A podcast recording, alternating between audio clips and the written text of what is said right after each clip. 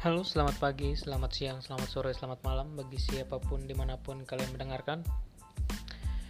Di sini ketika kalian mendengar suara saya, kalian akan diantar untuk mempelajari materi sosiologi, khususnya tentang kelompok sosial. Materi ini dikhususkan untuk kalian yang kelas 11, 11 SMA tentunya kompetensi dasar dari pembelajaran mengenai kelompok sosial. Kalian akan mendapatkan kompetensi dasar tentang bagaimana kalian nanti akan memahami kelompok pengelompokan sosial di masyarakat dari sudut pandang dan pendekatan sosiologi. Dan yang kedua, kalian bisa menalar tentang terjadinya pengelompokan sosial di masyarakat dari sudut pandang dan pendekatan sosiologi. Kelompok sosial ya kalian mungkin sering dengar lah istilah ini kita bisa ambil dari kata kelompok dan sosial. Ya kelompok merupakan sekumpulan individu yang diberi kesamaan berdasarkan satu hal. Kesamaan apa sih? Entah kesamaan tujuan kesamaan kesukaan kesamaan hobi dan lain semacamnya. Jadi eh, kelompok sosial merupakan adalah sekumpulan orang-orang yang berkumpul. Sekumpulan individu yang berkumpul yang memiliki tujuan, memiliki pola interaksi, memiliki kesamaan. Sebenarnya banyak sekali definisi kelompok sosial menurut tokoh sosiologi. Contoh di sini ada menurut Paul B. Horton atau Paul B. Horton ya kalau dibaca kelompok sosial berarti setiap kumpulan manusia secara fisik. Misalnya kelompok orang yang sedang menunggu bus kota. Itu menurut Harton. Jadi kelompok sosial itu kumpulan manusia secara fisik. Kalau menurut Sujono Sukanto ini adalah sosiolog atau tokoh ilmu sosial dari Indonesia. Ia mendefinisikan kelompok sosial adalah himpunan atau kesatuan kesatuan manusia yang hidup bersama karena saling berhubungan di antara mereka secara timbal balik ada hubungan tuh di antara mereka himpunan dari himpunan dari kesatuan-kesatuan manusia tersebut. Ada hubungan di antara mereka secara timbal balik dan saling mempengaruhi. Jadi sudah pasti dalam suatu kelompok ya masa kita diem-dieman kan pasti ada timbal balik entah secara interaksi verbal ataupun secara fisik. Sebenarnya banyak. Ada juga Johnson, Roland L. Warren, McIver, terus juga ada Muzaffer Serif, Mayor Polak, Rebecca Merton, Mayor Polak nih misalkan. Kita ambil lagi ya, Mayor Polak mendefinisikan kelompok sosial adalah sejumlah orang yang saling berhubungan dalam sebuah struktur.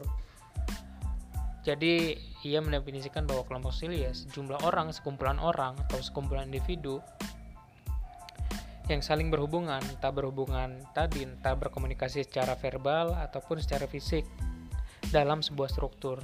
Struktur tuh ya kalau kita contohkan adalah kelompok sosial yang memiliki struktur di lembaga pendidikan. Misalkan kita berkelompok nih kalian misalkan di kelas kalian pasti punya struktur tuh. Ada ketua kelas ada sekretaris ada seksi ini ada bendahara ada ini ada itu gitu kan. Nah kalian tuh saling berinteraksi di situ. Kalian saling ada hubungan di situ. Jadi sejumlah dari kalian sejumlah orang yaitu kalian murid-murid atau teman-teman kalian sendiri yang saling berinteraksi dalam sebuah struktur. Kalau konteksnya kalian berarti struktur dalam kelas. Sebenarnya banyak tapi kita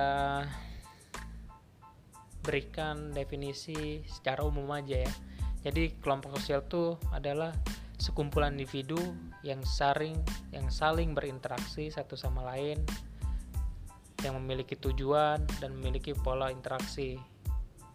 Juga ya memiliki struktur.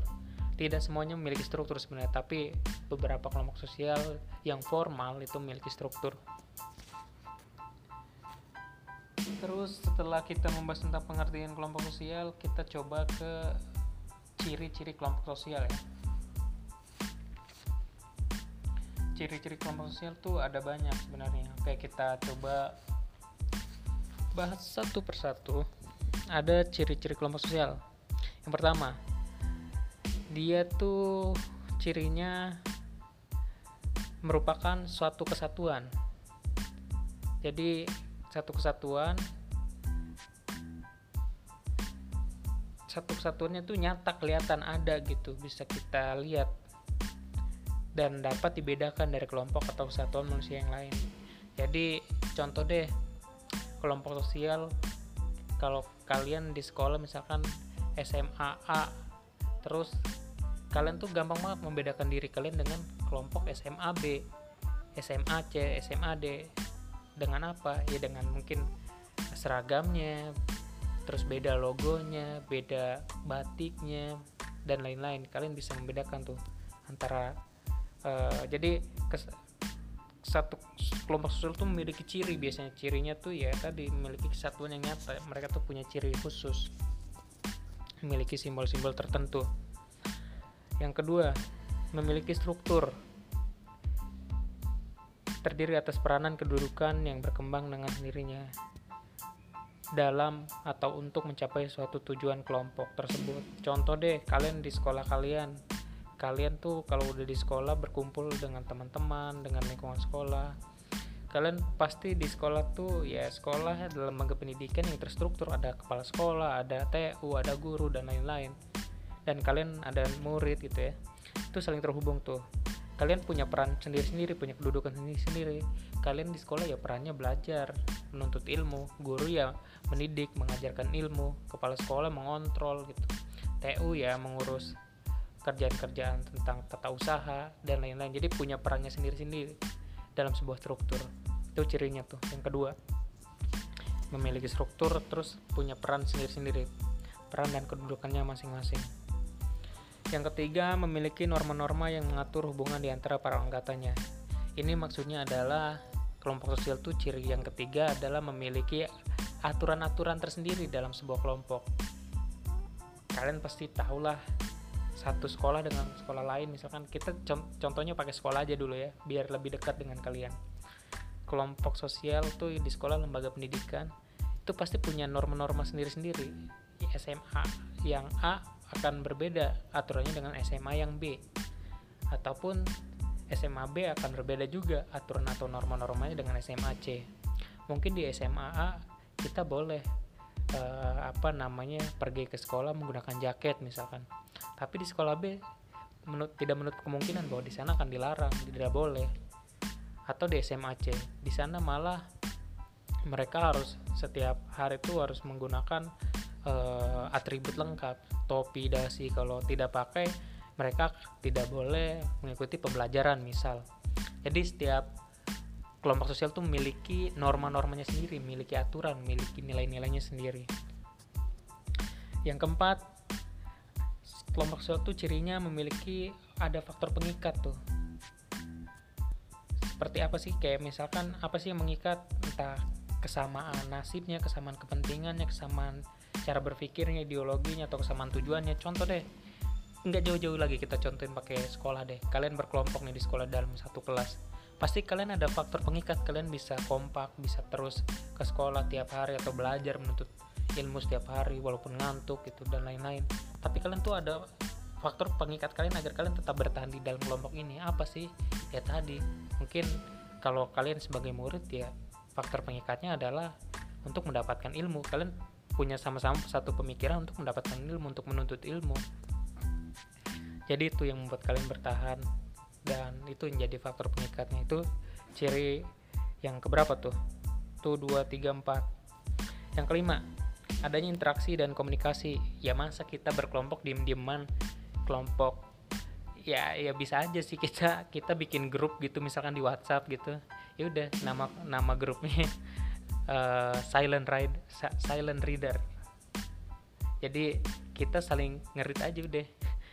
Kalau ada yang posting sesuatu udah di read aja jangan dibalas gitu. Udah pada diam diaman nggak gitu maksudnya konsepnya ya suatu kelompok tuh pasti punya interaksi memiliki interaksi nggak bakal diem dieman gitu ya.